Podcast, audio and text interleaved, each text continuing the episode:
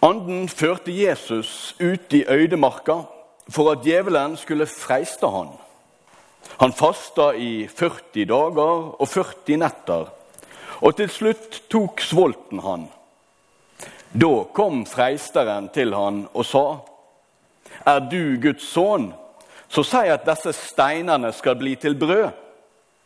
Jesus svarer, det står skrevet, mennesket lever ikke av brød alene, men av hvert ord som går ut av Guds munn.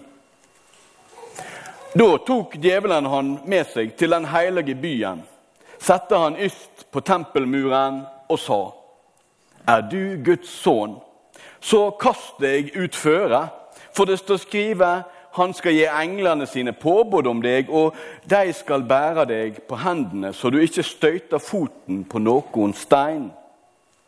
Men Jesus sa til han, det står òg skrevet, du skal ikke sette Herren din Gud på prøve. Så tok djevelen med seg opp på et svært høyt fjell og synte han alle riker i verden og deres herligdom, og sa:" Alt dette vil jeg gi deg om du faller ned og tilbed meg. Men Jesus sa til han, Vekk med deg, Satan, for det står skrevet:" Herren din Gud skal du tilbe, han og ingen annen skal du tjene. Da gikk djevelen fra han, og sjå, engler kom og tjente han. Slik lyder det hellige evangeliet. Altså. Noen tror eh, at faste det er noe muslimene driver med, og det gjør de for så vidt. Men i flere hundre år før islam ble oppfunnet, så eh, har kristne fastet. Og det er 40 dager før påske som en forberedelsestid til påskefeiringen. Og det er etter eh, litt sånn det som Jesus gjorde. Før Jesus skulle gjøre sin tjeneste blant folk og begynne å lære folk om Guds rike og gå veien fram til korset, så hadde han 40 dager faste i ørkenen. Og eh, vi skjønner nok alle at etter 40 dager uten mat, så, eh, så blir du ganske svak. Du er på et svakt punkt. Og, eh, og da kom djevelen til han, står det. Eh, noen, tror jeg, tenker om Jesus at han var som Supermann. Altså, han, ikke, han så ut som et vanlig menneske, men egentlig så var han eh, av en annen planet. Som kunne tåle alt og gjøre alt. Jeg tenker at det er utrolig viktig at vi ikke glemmer at Maria var hans mor. Jesus er et menneske, sånn som du og jeg. Og Det står faktisk i uh, Hebreerbrevet at Jesus er prøvet i alt. Sånn at uh, vi som vanlige folk, når vi møter utfordringer og vanskeligheter, så skal vi vite det. At Jesus han har vært igjennom, om ikke akkurat det samme, så i alle fall samme type vanskeligheter som du opplever.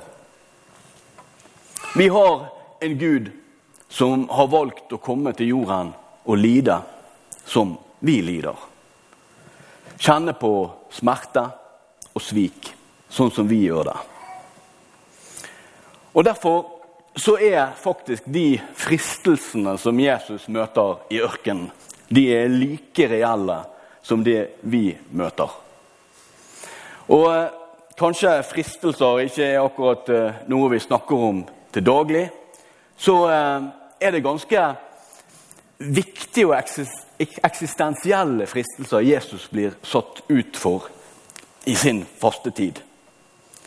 Han blir spurt på sitt mest sultne om han ikke kan fikse noe brød ut av disse steinene. Og eh, han blir stilt det spørsmålet som mennesker er blitt stilt til all tid. Er du nå helt sikker på Ja, om du er Guds sønn, kan ikke du fikse? Eh, jeg tenker at vi, eh, vi, fikk jo høre flott fortalt denne historien fra Edens hage, e, Edens hage der dette eplet. Um, og vi kan tenke at ja, det er, det er, en gammel fortelling og sånn. Men jeg tror det, det handler om oss. Um, for hvem av oss har ikke som barn på en dag med ti minus ute vært med en litt eldre unge ut til et lekeapparat, og så sier den litt eldre ungen du, hvis du, um, hvis du stikker tungen din på den, uh, den, den, jernstangen der, så fryser han fast der. Mm. Er du sikker? Mm. Ja. Hvis du prøver, så får du kjenne Nei, jeg tror ikke på det. Jo, jo, jo. jo, jo. Uh. Og det ligger i oss. Vi kan få så mye advarsler vi vil om ting. Men vi må utforske. Og kanskje så er det jo det grunnleggende bra, men det er òg grunnleggende et problem. Fordi eh, til syvende og sist så handler det om tillit. Stoler vi på hva Gud sier? Stoler vi på hva mennesker sier som vil oss vel? Eller er det noen som vil lede oss vill? Eh, disse tre fristelsene som Jesus blir satt ut for, hva handler det om? Og kan vi relatere oss til det? Eh, da har jeg lyst til å bruke det, Vi har jo to dåpsfamilier her i dag. Som foreldre så blir vi, blir vi utsatt for fristelse. Og i så fall hva? Eh, som foreldre så får vi et barn, og så tenker vi Hvis eh, du virkelig er en god forelder, vil ikke du Vil du virkelig la ungen din gå i brukte klær? Vil du ikke ha det beste for ungen din? Altså, Vi begynner å stille oss materielle spørsmål. Noen tenker at det skal være en viss standard. Og så blir alt fokus knytta opp mot det. Det materielle.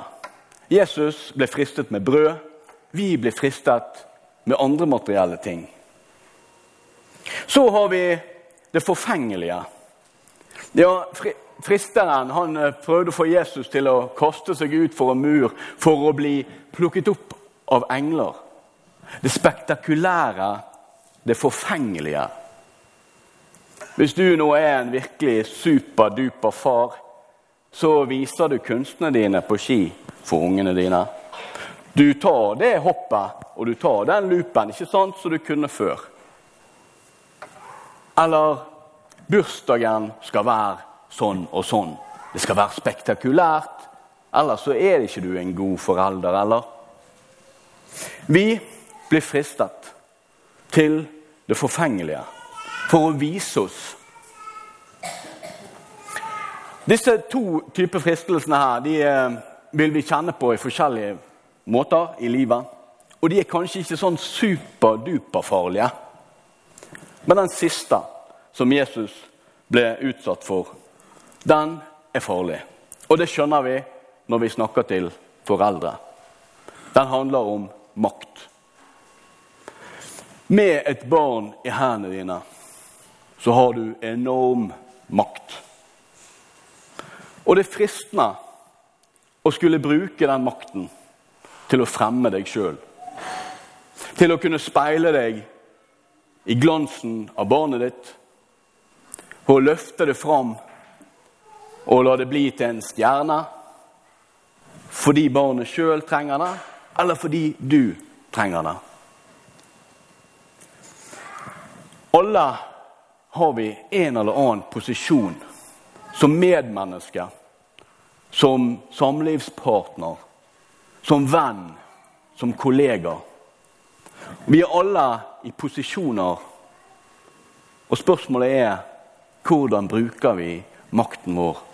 Hvordan bruker vi posisjonen vår, midlene våre, det vi kan? Dette her ble Jesus utsatt for. Han klarte seg, han. Sjøl om han ikke var Supermann. Han klarte å stå imot djevelens angrep på sitt svakeste. Jeg må innrømme jeg ikke der. Og jeg har ikke hørt om noe annet menneske som heller klarer det. Så hva er da poenget? Jesus, han var uten skyld. Når han gikk på korset for deg og meg, så var han uten skyld. Derfor kunne han ta på seg vår skyld som det uskyldige sonoffer. Men så er det én ting til. Jesus han peker på noe større. Når vi klarer å motstå fristelser, så skjer det kanskje noe annet. Det Jesus egentlig ville gjøre, det var å være et lys for folk. Han ville bringe håp. Han ville bringe tro. Han ville gi oss seier over døden. Så utfordrer han oss til å være lys for hverandre. Som foreldre så kan vi gi håp, glede, til ungene våre. Vi må bare motstå fristelsene på at det skal være så grådig spektakulært, dette livet. At vi skal ha så mange ting og at vi skal bruke vår makt feil. Tenk å få bringe lys inn i venneflokken, inn på arbeidsplassen. Da har vi en Gud som går foran oss, som er sterkere enn oss, og som viser veien. Og så vet vi, for det om vi måtte feile, så er han der fortsatt, som den første. Den som sto når andre falt. Den som ble igjen når noen gikk. Gud blir ved din side, sjøl når du er på ditt laveste og ditt dårligste. Da er han der og gir deg hånden og går med deg videre. Vår Gud, han er så fast en borg. Han er vårt skjold og verge.